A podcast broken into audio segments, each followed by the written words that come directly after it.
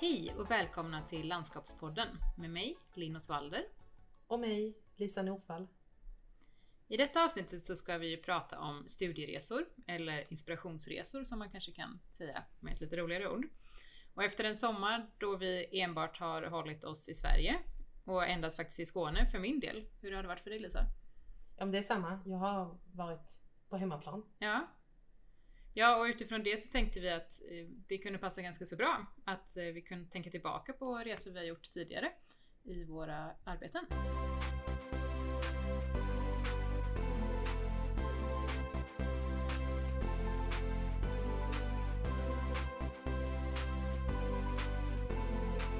Och det här med, med studieresor. Ja, det är ju någonting som är ganska så centralt inom vår yrkeskår. Men varför gör vi egentligen de här? Vad är det för syfte med att ut och resa? Jag tänker att eh, mycket av vårt arbete det bygger vi på liksom, referenser som vi tar med oss och bygger ihop och anpassar till nya platser. Och eh, man behöver liksom kontinuerligt fylla på den där referensbanken. Och dessutom utvecklas ju liksom, eh, teknik och vår kunskap blir bredare och då måste man hämta in kunskap helt enkelt om riktiga landskap. Och det gör man bäst på en resa. Mm. Ja, och en annan del av det är ju just den här teambuilding-känslan. Att faktiskt åka på en resa tillsammans med sina kollegor, göra någonting roligt ihop eh, och uppleva nya platser och få inspiration till framtida projekt. Absolut, och vi gör ju också många studieresor med våra studenter. Mm. Och även i liksom studentgruppen så har det ju den funktionen att vi tar med oss en gemensam referens in i det här studieprojektet som vi gör i en kurs eller sådär. Mm. Ja, och det här med att samla på sig referensprojekt till sin referensbank är ju väldigt viktigt just för att varje gång vi tar oss an ett nytt projekt så är det ju inte som att vi ska uppfinna hjulet och göra någonting väldigt speciellt och nytt varje gång. Utan det handlar ju faktiskt om att se till saker som har gjorts tidigare och titta på vad som har funkat och vad som inte har funkat så bra. Och helt enkelt nyttja det. Och inte minst att besöka platser som är lite äldre och se hur de har åldrats och hur man har förvaltat dem över tid. Absolut. Så mycket av de platser vi kommer ta upp i det här avsnittet nu kommer ju ha ett väldigt urbant fokus. Att det är framförallt städer vi pratar om och platser i städer. Men vi får inte glömma att det även är lika viktigt att ta inspiration från naturliga platser. Just för att kunna se specifikt kanske när det gäller växtlighet, hur den trivs i sin naturliga miljö och hur den växer och, och frodas där. För att, för att vi ska kunna ta de här växterna in i våra stadsmiljöer så är det otroligt viktigt att vi har kunskap och förståelse för vad de kräver för förhållanden för att kunna må bra och trivas. För att det finns ju inte särskilt många naturliga platser som faktiskt efterliknar den väldigt hårda urbana miljö som vi eh, utsätter de här växterna för. Så därför så är det ju väldigt viktigt för oss att, att vi hittar rätt art för rätt plats och förstår komplexiteten i det. Och som planerare hamnar jag ju ofta i just stadsmiljöerna. Och det är ju så att i Sverige till exempel så är det ju ungefär 85% av befolkningen som faktiskt bor i tätorter. Mm. Så boendemiljöerna som är det jag jobbar mycket med, ja, de ligger ju faktiskt i städer och referensplatser ligger i städer och då blir det att man hamnar där. Men som du säger, alltså, samspelet mellan stad och land är jätteviktigt. Precis som du sa Linn så har det inte blivit så mycket resande på ett tag. Eh, men jag hann faktiskt med två stycken resor i våras innan pandemin bröt ut. Ja. Eh, så de har jag ganska färskt i min referensbank. Mm. Så jag tänkte att jag skulle prata lite om dem idag. Och det var eh, två resor som jag gjorde här på jobbet. Eh, en resa var tillsammans med studenter och den andra resan var tillsammans med lärarkollegor där vi var och tittade på referensprojekt för att liksom berika vår undervisning. Just det. Eh, och eh, den där resan som jag gjorde med mina lärarkollegor den eh, gick till eh, Nederländerna och Hollandsregionen. Och eh, syftet med resan var att vi ville titta på olika bostadsmiljöer eh, under liksom 1900-talets bostadsmiljöer i Holland. Och eh, vi ville gärna att det skulle finnas olika ideal och tankar bakom de här bostadsmiljöerna. Eh, och vi hade en jättebra guide som var en gammal kollega till min nuvarande kollega. Mm. Eh, och han är en arkitekt som jobbar i det här området. Han har precis pensionerat sig. Så att han, han hade jättebra koll på de här projekten och satte ihop ett fint program till oss. Eh, vi bodde i en eh, liten ort som heter Warden. Och det var för att vi skulle kunna liksom, köra i minibuss till alla de här storstadsregionerna som vi skulle till. Vi var i Delft och Haag och Amsterdam och Rotterdam och lite mindre samhällen där omkring. Mm. Just eh, Nederländerna är ganska intressant ur boendesynpunkt eftersom det ändå är ett land som ligger väldigt nära oss, har lite liknande klimatförhållande som i den södra delen av Sverige. Men sen har de också intressant historia av där de har jobbat väldigt mycket med liksom, social housing och eh, har en syn på boendet som är lite annorlunda än det vi har här i Sverige. Mm. Mina favoriter från den här eh, resan det är främst en stadsdel som vi besökte i utkanten av en lite mindre tätort som heter Kulenborg. Och eh, det här var ett pilotprojekt för liksom, att undersöka hållbara bostäder och det här projektet startades i slutet av 90-talet, jag tror 98. Eh, och det var en stor tomt som låg ganska centralt i den här orten eh, som hade varit ett gammalt vattenverk som inte behövdes längre. Mm. Och eh, man kan säga att det är liksom två viktiga aspekter som man tog hänsyn till när man satte igång det här projektet.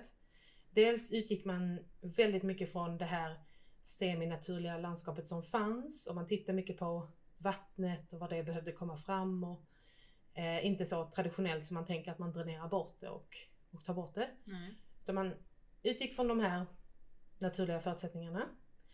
Eh, och sen jobbar man väldigt mycket med samverkan när man planerade. Mm. Vad spännande. Så det var liksom både de som skulle bygga, de som planerade, Ja. de som hade koll på den liksom, naturliga förvaltningen som sen behövde komma till. Och också en grupp boende som skulle flytta in i framtiden. Mm. För det fanns ju inget där. Nej. Eh, och ehm, sen när det började byggas, då byggdes det i ganska små enheter. De byggde liksom em, små sådana här courts som de kallade det och det var ungefär 30 bostäder i ett sånt här litet kvarter. Mm. Eh, och så byggde de det. Och så flyttade alla in och sen när det var dags för nästa liksom, kort att byggas då var ju redan de här första 30 hushållen etablerade och kunde Ja. liksom välkomna nästa Mm. steg och sådär. Och det fanns också gruppbostäder och något sånt här vårdhem och en skola i det här området. Mm. Så det växte ju fram under ganska lång tid. Och eh, alltså även nu 20 år senare så finns det rätt mycket engagemang som var synligt i det här området. Alltså dels hade den här lokala föreningen hand om all skötsel själv. Så de fick en liten peng Okej. av kommunen Mm. eh, som motsvarade det som kommunen hade lagt om de hade skött det. Mm. Och så hade de en egen skötselfirma Mhm. som tog hand om det på det sättet som de ville. Och, sådär. och de hade nyligen gjort något projekt där de hade satt solceller på en parkeringsyta som så här tak. Och då var det någon som hade kommit på att det var en bra idé och så sökte de pengar och fick genomföra det. Så det var väldigt mycket så här liksom lokal ekonomi och lokalt engagemang. Ja. Eh, och det var superintressant att höra om det. Och jag tror om man googlar det här så finns det också rätt mycket information Mm. på internet om man vill läsa vidare. Träffade ni några av de boende och pratade med också? Ja, vi hade ju fördelen då att vi träffade en av de här initiativtagarna Ja. som också bodde i ett Okej. hus. Så vi fick komma in i hennes hus Ja. och dricka te med henne och hon liksom tog fram alla gamla papper de hade haft och visade hur liksom, projektmötena hade gått till och så. Ja, Och det var ju verkligen superintressant. det förstår jag. Eh, sen vill jag också kort nämna eh, Spangenområdet i Rotterdam. Eh, närmare bestämt just Usfan FN-komplex som det heter. Så det är ett väldigt unikt område byggt i början av 20-talet med massa liksom, funktionalistiska idéer. Till exempel har de loftgångar som är liksom en av de första byggena i Mm. världen som har det. Mm. Och man tänkte mycket på hur man skulle kunna få till en trygg och säker miljö inne i eh, en stad. Ja. Eh, så att det är någonting som jag skulle tipsa den som är intresserad av Mm. boendemiljöer Mm. att titta på. Det var lite om min Hollandsresa. Vad har du för intressanta studieresor i bagaget Linn? Ja, när jag började tänka på vilka resor jag har gjort i mina olika eh, arbeten så tänkte jag på att många av dem har varit ganska så lika. Det har varit ja, men samma upplägg på resorna ungefär. Att vi har åkt bort sådär tre, fyra dagar till en ganska så stor stad. Och att vi har varit en ganska stor grupp också som har rest tillsammans. Men det som har skilt dem åt har ju varit hur gruppsammansättningen har sett ut. För jag har haft lite olika arbetsplatser och eh, de har ju skilt sig åt på att mina kollegor har haft ganska många olika eh, yrkesroller helt enkelt. En resa som jag kommer berätta lite mer om eh, har jag gjort då tillsammans med framförallt husarkitekter. Medan andra resor har istället varit med enbart landskapsarkitekter eller med trafikingenjörer och trafikdesigners. Och det har faktiskt påverkat väldigt mycket, dels vilken typ av projekt vi har tittat på såklart, men också att man har fått ja, men olika synvinklar med sig. Och jag kan tycka att det har varit väldigt intressant att både såklart åka tillsammans med andra landskapsarkitekter och landskapsingenjörer som har lite samma ja, men perspektiv och lite samma intresse av vad det är vi faktiskt tittar på.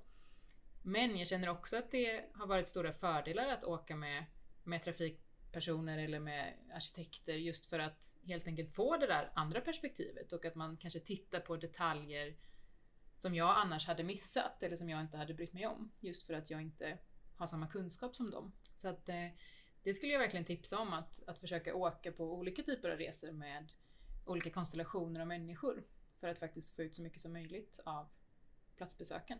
Den senaste resan som jag gjorde som konsult var till Zürich och Basel, alltså i Schweiz. Det var ju då en resa tillsammans med väldigt många husarkitekter så att stor del av projekten hade ju den karaktären.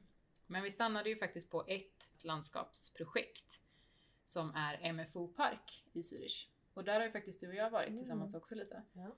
Vi var ju där när vi åkte på studieresa som studenter. Och jag har faktiskt varit där ytterligare en gång. Så det var, det var tredje gången jag var där. Och jag hade faktiskt fortfarande kunnat tänka mig att åka dit igen. För jag tycker det är ett väldigt häftigt projekt. Och det, ja, men det är verkligen ett projekt som, som sticker ut och som är väldigt inspirerande på många sätt. Och just MFO, det står för Maskinen Fabrik Orlikon och är alltså då ett, eh, ett område som har, har tidigare varit en plats för ett eh, ingenjörsföretag som var etablerat i det här området då, i stadsdelen eller kvarteret Orlekon.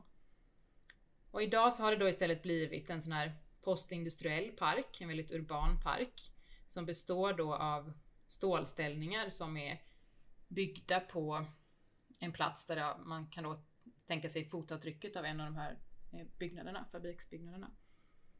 Och det här stålet är sedan täckt då med, med klätterväxter av olika slag, olika, olika arter.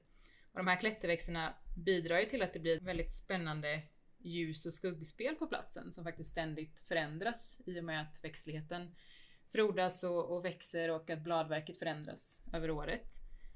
Och det är också en väldigt härlig eh, skiftning och färgblandning som skiftar väldigt mycket i, i grönt och rött. Och just tack vare det här stora antalet växter på platsen så, så varierar ju också det här väldigt mycket under året beroende på, på årstid. Man kan också ta sig upp då i den här ställningen genom eh, flera olika trappor som sen expanderar ut i, i plana ytor där det finns lite sittmöbler och så, så att det blir som små samlingsplatser där uppe.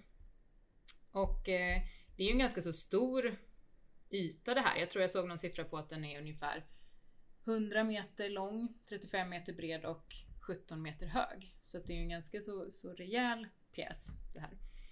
Och under då, alltså på, på marknivån, så är det ju också då en, en yta med ett markmaterial av bland annat krossat glas. Och det är ju en plats som lämpar sig väldigt väl för många olika typer av aktiviteter, alltså både stora event, kanske konserter och teaterföreställningar och sådär. Men utifrån hur, hur den är skapad så finns det också möjlighet till mycket mindre möten, mer intima möten i mindre grupper. Så jag tycker att det här är ett projekt som är väldigt värt att besöka. Men jag tycker också att Zürich överlag är en väldigt trevlig stad. Just för att det läggs ganska så mycket pengar på utemiljöerna där. Vilket gör att det är mycket exklusiva material och man kan få väldigt mycket inspiration tycker jag. Så det är definitivt ett, ett restips där.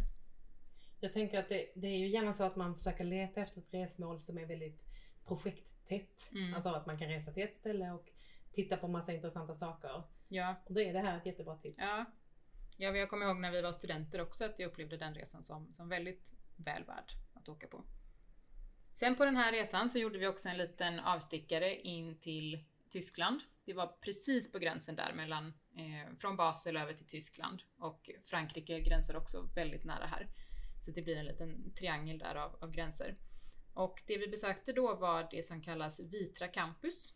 Känner du till det Lisa? Ja, lite. Ja. Ja men det är ju framförallt känt för sin eh, möbeltillverkning. Det är kanske många som känner igen det, det varumärket. Precis. Eh, och det grundades på, på 50-talet. Eh, så att även det här var en plats då där, där man tidigare haft den här fabriksverksamheten. Men på 80-talet så var det en, en väldigt stor brand som förstörde många av fabriksbyggnaderna. Och efter det så valde man då att, att bygga upp den här platsen på ett sätt man skulle kunna kalla det som en arkitekturpark med byggnader som är då ritade av flera olika väldigt framstående arkitekter. Så att både byggnaderna och möblerna som produceras här är väldigt karaktäristiska för det här området. Och tanken bakom området var då att arkitekterna skulle skapa byggnader som harmoniserade både med de omgivande bostadsområdena men också att det skulle passa in naturligt i landskapet i den här gränstriangeln. Och det har blivit ett väldigt känt område som eh, årligen har besökare från hela världen. Och här finns också då Vitra Designmuseum som anses vara ett av världens främsta just designmuseum. Men den byggnaden som jag tyckte var häftigast att titta på där, eh, det var faktiskt en, en brandstation som den väldigt kända arkitekten Zaha Hadid har ritat. Och hon ritade den i sina unga år och jag har för mig att detta kanske till och med var hennes första projekt, eller i alla fall ett av hennes första projekt. Mm. Ehm, och det var en väldigt liksom, häftig byggnad både invändigt och i fasaderna för vi fick komma in i byggnaden också. Och den hade väldigt mycket spännande vinklar som spelade lite ett spratt med ögat och det kom in väldigt spännande ljusförhållanden från olika håll. Eh, mycket räta linjer fast som också bröts på lite, oh, ja, lite speciella sätt och sådär. Så det, det var mycket som var häftigt att bara titta på där både att det var väldigt storskaligt men samtidigt så fanns det de här detaljerna i linjerna som gjorde att det, det hände någonting spännande. Och utemiljön kring den här byggnaden var också väldigt häftig tycker jag. Där har man jobbat jättemycket med eh, rött marktegel som också sammanfogades med en närliggande byggnad som hade exakt samma fasadmaterial. Så att fasaden och marken smälte ihop på, på ett väldigt fint sätt. Så det tyckte jag var riktigt coolt. Mm. Och en annan resa som jag också har gjort som konsult var då tillsammans med just en stor grupp landskapsarkitekter. Vi hade ett landskapsnätverk inom företaget där vi helt enkelt höll kontakt med kollegorna som satt på andra kontor runt om i Sverige. Och ungefär så vartannat år så hade vi möjlighet att åka på en resa tillsammans.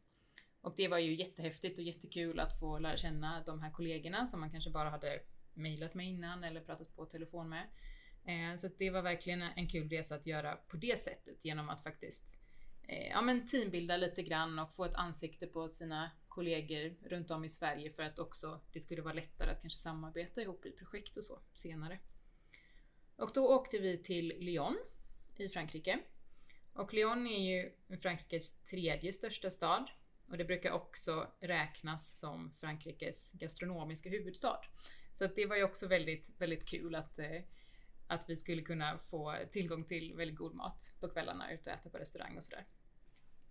Och förutom det så är staden också väldigt känd för sin ljusdesign. Varje år så har de en ljusfestival i december. Vi var där i oktober så det var ingenting som vi fick uppleva då, men jag tycker även att det här ljustänket genomsyrade hela staden och jag tycker att det var var tydligt att man hade mycket kunskap om ljusdesign när man var ute på Mm. kvällarna och var på i stadens torg och parker och sådär. Att man såg att det fanns en väldigt, eh, Eh, ja, men eh, en väldigt genomtänkt ljusdesign. Men det vi gjorde då var ju framförallt då att vi besökte ganska många olika parker. Och eh, en av dem var den som heter Park Blandan som är en, en väldigt stor park i Lyon också. En urban park som är flera hektar stor så vi var inte runt i hela parken. Eh, Den öppnade 2013 så att den är ju relativt ny också. Och den är uppdelad i tre distrikt eller tre områden kan man säga som har lite olika karaktär. Där en del är ett multifunktionellt torg med olika sportytor som basketplaner och, och bollplaner och sådär. Eh, sen finns det också en mer ekologisk del med mycket vegetation och en lite mer trädgårdsdel med, med mycket växtlighet och planteringar. Och sen finns det även en stor skatepark i området. Så att man har jobbat både med, med mycket lek men också just det här ekologiska tänket och att kunna ta emot eh, stora mängder vatten och sådär vid, vid, eh, ja, vid sådana tillfällen. Det som jag minns allra mest därifrån var att vi stannade till på en, på en lekplats eh, som var, ja men den var väldigt fint gjord tycker jag. Det var liksom subtilt användande av material men samtidigt så var det lekfullt just för att det hade inslag av färg. Eh, men mycket av den var i trä. Det var träspänger man kunde röra sig på och sen var det också som en, en vägg i trä som gick upp och smälte samman liksom väggen med golvet. Eh, och sen var det då rutschkanor i stål som kom ut från de här väggarna och man kunde också klättra lite på väggarna.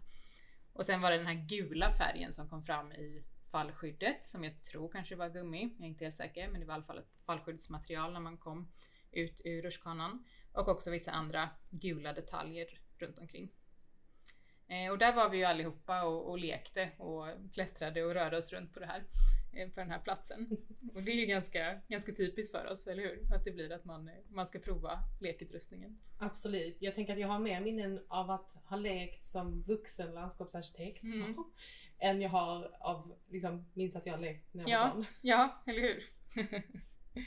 jag tänker att det är en jätteviktig, alltså det är en viktig aspekt. Mm. Att leka och ha roligt och det är liksom, där går verkligen den här teambuildingen samman med att verkligen testa en plats. Ja, eller hur? Och det finns ju alltid ett, ett barn i oss alla fortfarande. Det gör det. Mm.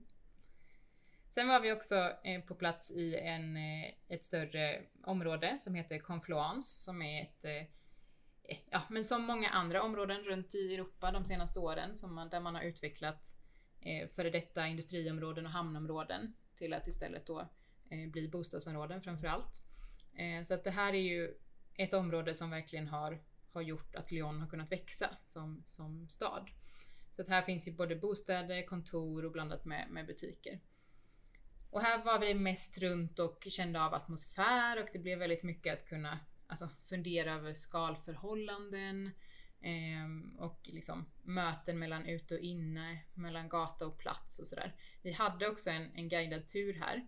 Eh, jag har inte jättemycket minnen från den för att jag har nästan för mig att den var på franska. Så att det var lite svårt att, att eh, ta till sig mycket av det guiden sa. Mm. Men, eh, men i alla fall, det var väldigt kul att, att röra sig runt här och, och kunna äta lunch och liksom verkligen bara ja, men känna av en, en atmosfär och fundera på kanske hur det här området vad det har för likheter och olikheter med andra sådana här områden man har besökt, både i Sverige och i andra länder.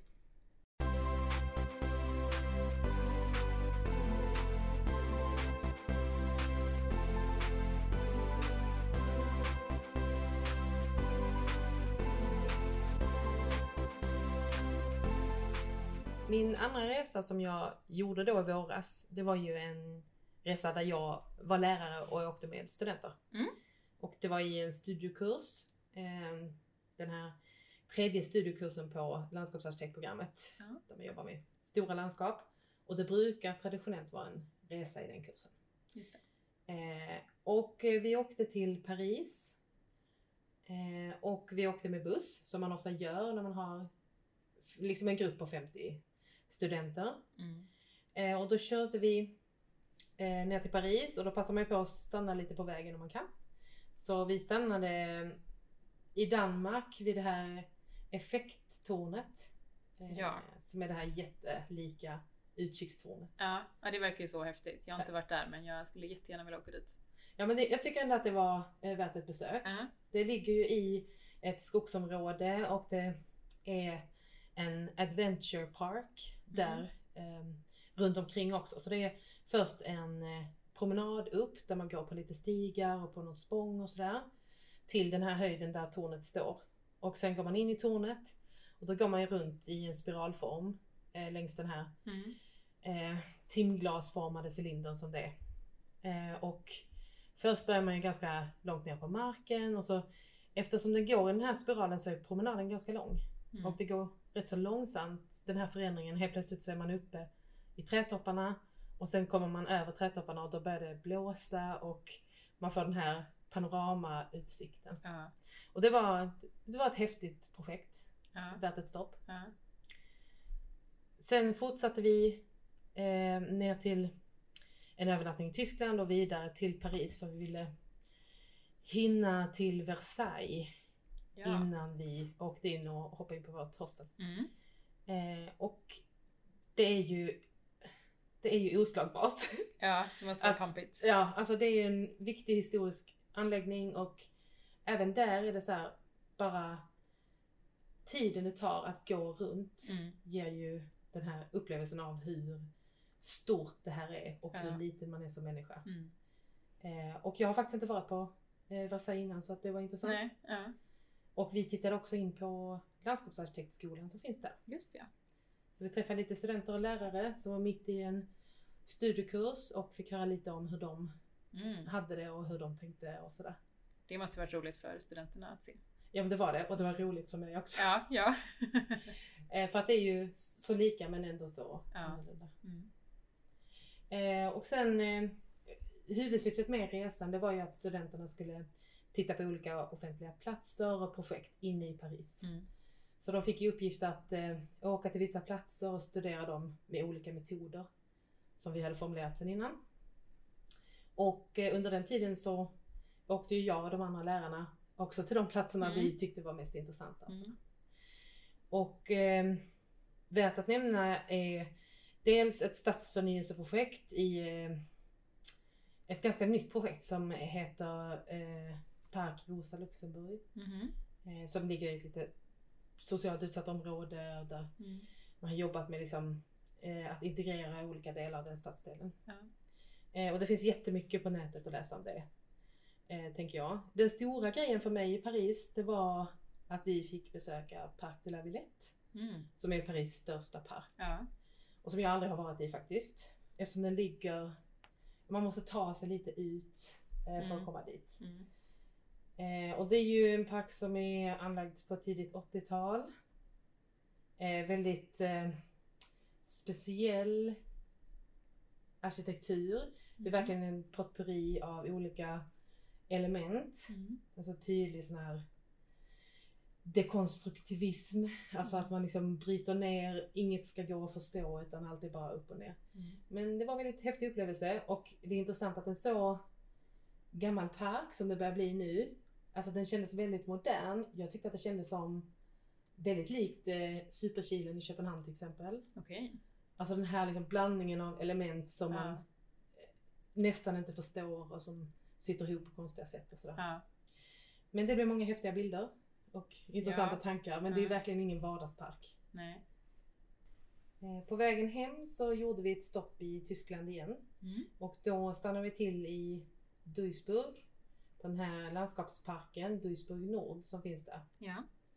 Och vi övernattade faktiskt i den här gamla industribyggnaden som finns i parken. Mhm. Så vi bodde väldigt nära. Och sen Ja. fick vi möjlighet att, att vara i parken eh, hela dagen efter. Och det är ju en, en sån här eh, landskapspark som är byggd på ett gammalt industriområde. Den här är anlagd på ett gammalt kol och stålverk som jag tror blev liksom övergivet och fick stå och sen är det ju så att det var mycket föroreningar i marken och sådär. Och eh, då bestämde man sig för att göra någonting här och inte liksom ta bort och sanera och bygga något nytt och glömma utan snarare jobba med industriarvet och Mm. skapa förståelse för det och, och låta det vara kvar som en Ja. viktig del.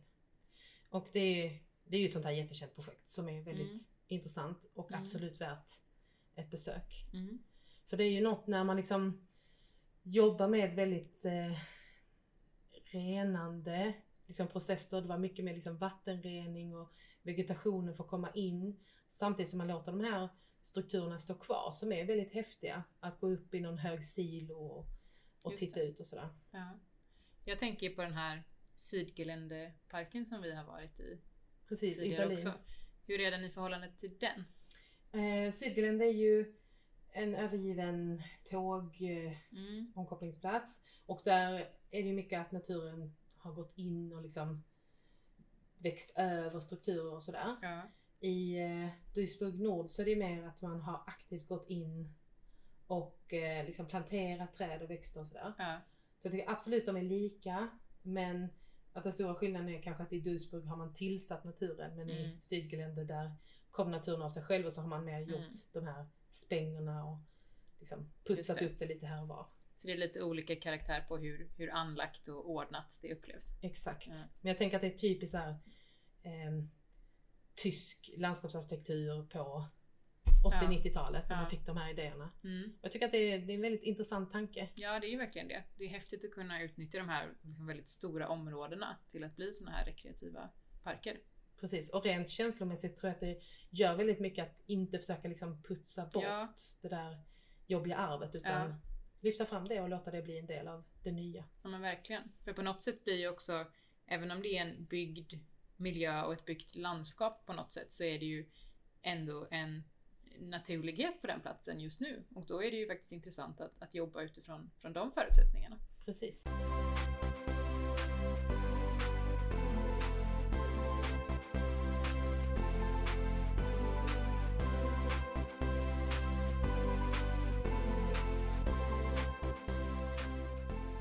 Och även jag hann ju åka faktiskt på en resa med mina studenter precis innan Eh, coronapandemin bröt ut på allvar här i Sverige. Det var nog faktiskt första veckan i mars vi var borta.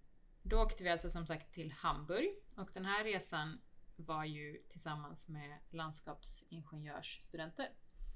Så att där är ju inte huvudfokus att titta på arkitekturen kanske, utan mer de tekniska aspekterna och titta på mer detaljer. För det här är en kurs i projektering, alltså i markprojektering. Det blir ju ett helt annat perspektiv och det finns ju så himla mycket saker att studera i de här detaljerna också. Så det det handlar mycket om då, när vi tittar på den här i den lite mindre skalan, då är det ju på höjdsättningslösningar, olika material, materialmöten, alltså gränser mellan material. Men också hur växtbäddar är uppbyggda till exempel. Och hur träd ser ut att trivas där de är planterade. Eh, för som jag tidigare sa, det är ju väldigt, väldigt mycket svårigheter kring just att etablera träd i de här väldigt urbana stadsmiljöerna som vi har. Och då krävs det ju väldigt mycket teknisk kunskap för att faktiskt bygga upp bra växtbäddar som växterna kan, kan leva i.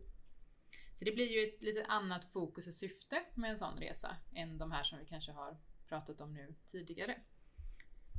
Bland annat så besökte vi Hafen City som även det är en sån här stadsdel som har utvecklats i ett hamnområde.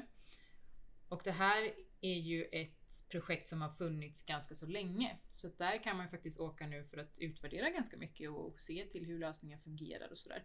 Så det är väldigt guld värt att ha det så pass nära Skåne.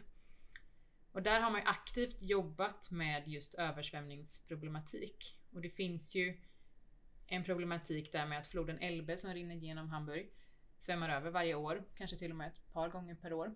Och därför har man blivit tvungen att helt enkelt jobba med detta.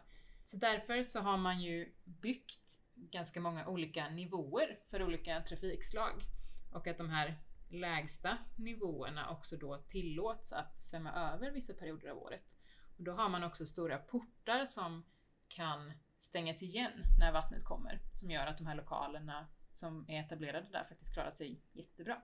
Så det blir ett sätt att jobba med vattnet där också. Att faktiskt låta det komma in, för det måste det ju på något sätt. Och ändå kunna klara av att, att ha ett, ett välfungerande samhälle i det här området. Och även där kan man få guidade turer, vilket är, är väldigt bra. Att kunna få mer, mer ingående eh, liksom information om, om projekten i stort och även liksom kunna få se en stor modell över hela området och sådär. När vi var i Hafen City så besökte vi också en väldigt nyanlagd park som var byggd 2019 som heter Backenpark. Och den hade också fått det tyska landskapsarkitektpriset 2019. Så det var ju lite kul att, att kunna studera den platsen. Det behöver ju inte per automatik vara så att bara för att en, ett projekt har fått ett pris så behöver det vara bättre än någonting annat. Men det är ändå intressant att, att se till hur en jury har bedömt och vad man har, har gett för utlåtanden kring en plats.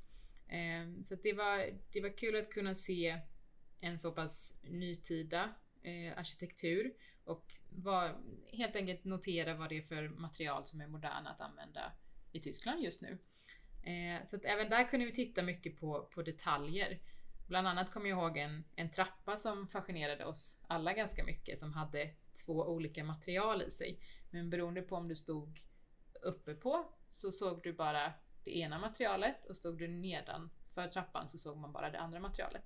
Den här parken är ju belägen på en plats där det ska byggas bostäder. Så här har man alltså valt att bygga parken först, innan bostäderna etableras. Så det är parken och sen har man jobbat med trafiksystemet runt omkring och sen ska byggnaderna komma till efterhand. Och det tycker jag ju också är ett väldigt, ja men ett väldigt spännande sätt att jobba på och väldigt fördelaktigt för på så sätt så kommer ju parken och trafiksystemet att kunna ha etablerat sig innan folk faktiskt flyttar in. Och på så sätt så får man ju en, ja men helt enkelt en mer attraktiv och värdefull park än vad man hade fått annars. Mm.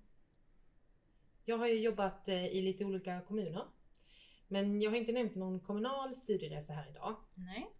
Då kan man ju fundera på om man åker på studieresor när man jobbar som arkitekt mm. i en mm. kommun. Och eh, det gör man. Men jag har inte åkt på eh, någon sån här större studieresa under mina år som jag har jobbat. Nej. Ofta är det ju så att man är lite mer försiktig med pengarna eftersom man är finansierad av skattemedel. Mm. Och eh, det behöver vara motiverat att man ska resa. Ja. Eh, med det sagt så brukade vi åka på kanske någon liksom, lokal studieresa. Att man åker på en dagsutflykt till något projekt i närheten. Eller att man åker någonstans i landshalvan ungefär eh, och med en övernattning och sådär. Mm. Eh, till exempel åkte vi en gång till Vallastaden, den här bomässan och mm. tittade på den. Vi har också varit i Köpenhamn över dagen och tittat på lite olika projekt. Eh, som inspiration och teambuilding och sådär. Ja. Så det är, inte, det är inte helt ovanligt. Men, men de här riktigt eh, stora häftiga resorna, de gör nog inte många kommuner nu för tiden. Nej. Men jag hörde något jätteintressant. Vi samarbetade med Markaryds kommun här i våras i en kurs. Mm. Och då berättade eh, plan och byggchefen där att han hade tagit med sina politiker i nämnden mm. till just eh, Hamburg och Hafen City. Markaryd har ju ingen Elbe men Lagan flyter ju där ja. och de har en del översvämningsproblematik. Mm. Och politiker de är ju, har inte samma sakkunskap som vi planerare och arkitekter har eh, utan för dem är det väldigt värdefullt att få den här direkta inputen mm. tillsammans med sina tjänstepersoner. Så jag tyckte att det var verkligen ett genidrag. Ja, det låter ju jättebra. Då har man ju de här referenserna gemensamt och kan prata lite mer samma språk med varandra. Exakt.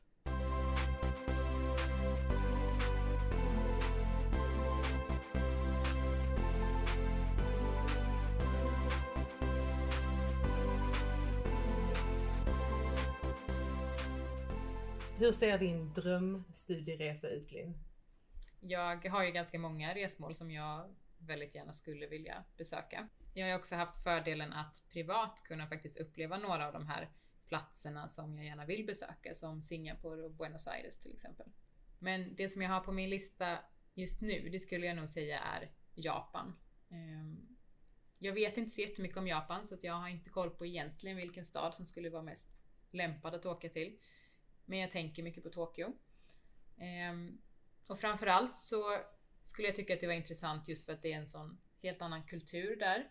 Och att man jobbar med, med växter framförallt kanske på ett, på ett helt annat sätt än vad vi vanligtvis gör här hemma. Eh, det är mycket trädgårdar, helt andra arter och kanske min uppfattning är att man jobbar mycket mer med detaljer och liksom fin, finlir med växterna. Så det hade jag tyckt var väldigt spännande att studera. Du då? Ja men under de här åren när jag jobbat i kommun, då har jag ju sett eh, alla mina kompisar åka på sådana här häftiga studieresor med sina konsultbolag och kontor mm. till Tokyo och New York och det är klart att jag eh, har tänkt att det hade varit häftigt att åka till de här stora anläggningarna. Mm. Singapore inte minst. Just det här som är de världskända landskapsarkitekturobjekten. Mm. Men om jag tänker liksom lite längre än så, så det absolut mest intressanta för mig det är egentligen att få komma till någon lite annorlunda kulturell kontext och få komma in på liksom de här planeringskontoren eller träffa andra verksamma arkitekter och planerare eller se hur man jobbar med regional planering eller kommunal planering just där. Yeah. Och att få den möjligheten, det är nästan som att liksom se sig själv i ett parallellt universum Mm. med helt andra förutsättningar. Och det gör också att man tar med sig saker till sitt eget, eh, till sin egen yrkesroll. Så sådana här exotiska resor, absolut intressant. Men jag tror egentligen att i ett studieresesyfte så får jag ut väldigt mycket av att resa i Europa, norra Europa också. Ja, och det håller jag verkligen med dig om. Och med tanke på hur världen ser ut idag, kanske ännu mer att man tänker på det nu med tanke på liksom, coronasituationen, men också alla klimatmål vi har att förhålla oss till, så är det ju jätteviktigt att tänka hållbart även kring vårt resande, både privat och inom yrkesrollen. Ehm, så att vem vet, kanske kan vi istället använda oss av någon form av virtuella upplevelser i framtiden genom att besöka platser och kunna uppleva dem. Sen kommer ju givetvis inte alla sinnen få sin eh, stimulering på det sättet. Men, men det känns som att vi måste ju ändå jobba på att faktiskt uppleva platser på andra sätt än just resande. Men absolut, och jag tror att många kontor redan nu har börjat jobba så att man tänker mycket liksom budget när det gäller hur mycket resande och Mm. inte då ekonomisk budget utan snarare klimatbudget. Ja, Att du kan göra liksom många mindre resor eller så väljer du att spara till en större längre bort och då mm, kan det vara motiverat. Mm. Jag tror generellt att det är viktigt att i första hand titta vad vi har här nära ja, och utnyttja det i första hand. För det finns så mycket att vinna på att besöka ett projekt bara i en annan stad eller i en absolut. annan del av landet. Ja, och vi har ju en fördel här i Sverige att vi har ett så pass avlångt land som gör att vi kan uppleva inom Sverige väldigt många olika klimatzoner och växtzoner. Och jag tycker ändå mig se den trenden här att vi inom utbildningen har börjat jobba med mer lokala resor och se vad kan vi hitta liksom här inom rimligt avstånd och Mm. hur kan vi ta oss runt. Absolut. Okej, och då var det också dags för första veckans spaning som du Lisa har. Ja, jag har ju förberett en liten spaning Ja. och eh, det blir på det här temat med resor. Eh, Och det var så att jag trillade över ett eh, blogginlägg eh, på Sveriges Arkitekters blogg Mhm. Och eh, det är skrivet av Louise Lindqvist Sassene. Hon är arkitekt. Och hon skrev det här i slutet av augusti i år. Så det är Mhm. ganska nytt. Det, då skriver hon helt enkelt att hemester är inte semester för mig. Mm. Och då tänkte jag, oj det här var intressant. Mm. För precis som du säger så har vi varit, det har ju varit hemester, sommar. Och då listar hon jättemånga fina besöksmål som vi har i Sverige. Och jag har faktiskt varit på flera av de här själv i sommar. Ja. Det är Ale stenar och det är Glimmingehus här i Mm. Skåne. Eh, sen listar hon också Kristianstads naturrum, Mm. jättehäftig arkitektur mitt i naturen. Och eh, Knäbäckshusens eh, strand och Nimis eh, och så vidare. Och hon visar jättefina bilder. Och då skriver hon att hon har varit i Skåne, det förstår man ju. Ja. Många av de här Mm. ligger där. Eh, och att det är ju lätt att som arkitekt styra upp en dagstur. För man känner till de här projekten och man tar med familjen eller vännerna. Ja. Och eh, när jag själv var på Glimmingehus så var vi där och fick en guidad tur. Eh, men så beskriver hon också hur man ju har igång sin lilla arkitekthjärna hela tiden. Mm. Eh, och man tänker, man tar bilder och man blir kanske lite kritisk till vad guiden säger och sådär. Mm. Eh, och hon beskriver att själv så är hon egentligen bara avslappnad när hon är isolerad på stranden och läser en bok som inte handlar om arkitektur. Ja. Och då gick något upp för mig, för jag känner ju verkligen igen mig i det. ja, Var man än reser så tittar man på material, man tar Mm. massa bilder. Det här är en bra bild till det här projektet eller det här är en bra bild till den föreläsningen. Mm. Eh, och att man inte riktigt slappnar av, för man är ju hela tiden i arkitekt. Ja, ja men verkligen. Eh, så blev jag först, den är ju lite, lite humoristiskt skriven den Ja, här, så att ja. det är inte på blodigt allvar. Men så tänker jag så här, ja men är det fel egentligen eller är det rätt? Ja vad tänker du när du hör det här? Ja, men jag tänker framförallt en väldigt rolig spaning. Och ja, jag kan ju verkligen känna igen mig i det hon skriver och det du säger. Men man kan ju också kanske fundera på om, om det gör så mycket. Ja, men vi som arkitekter kanske, eller i alla fall jag, tänker väldigt mycket att det är en del av min personlighet på något sätt och att det är ett intresse som jag har generellt i livet. Att det både är någonting jag gör i min yrkesroll men samtidigt så, så är det någonting jag gillar att göra privat.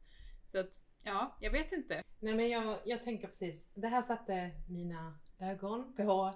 något som jag inte har sett i ett kritiskt ljus innan. Mm. Men jag landar i, precis som du säger, att för mig är det nog så att jag, jag kan inte skilja på liksom, mitt yrke och mitt liv. Utan Nej. de går ihop. Mm. Men sen tror jag att det är såklart viktigt att tänka på återhämtning. Det är Ja. en helt annan sak. Mm.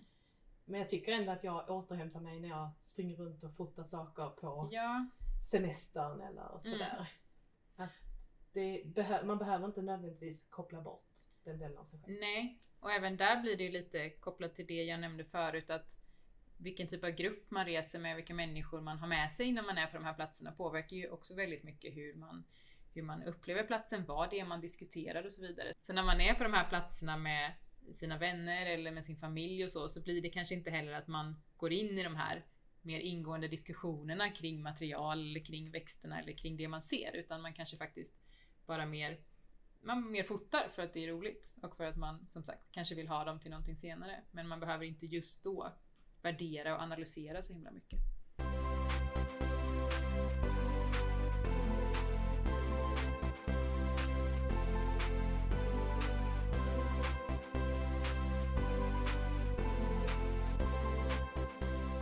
Som avslutning så kan vi säga att vi har en ny mailadress. Ja, Den är alltså landskapspodden at slu.se. Och det är där ni kontaktar oss om ni har feedback eller tips eller vill vara med i landskapspodden. precis. Och sen har vi givetvis fortfarande våran Instagram där vi heter Landskapspodden. Och vi tänker att vi kan lägga upp lite bilder från de projekt som vi har pratat om i avsnittet här nu. Så att ni kan få se lite hur de ser ut och att vi också skriver ut vad de heter och sådär om ni vill söka vidare på information om dem. Och med det så avslutar vi denna veckans avsnitt. Tack så mycket för att ni har lyssnat. Hejdå! Hej då!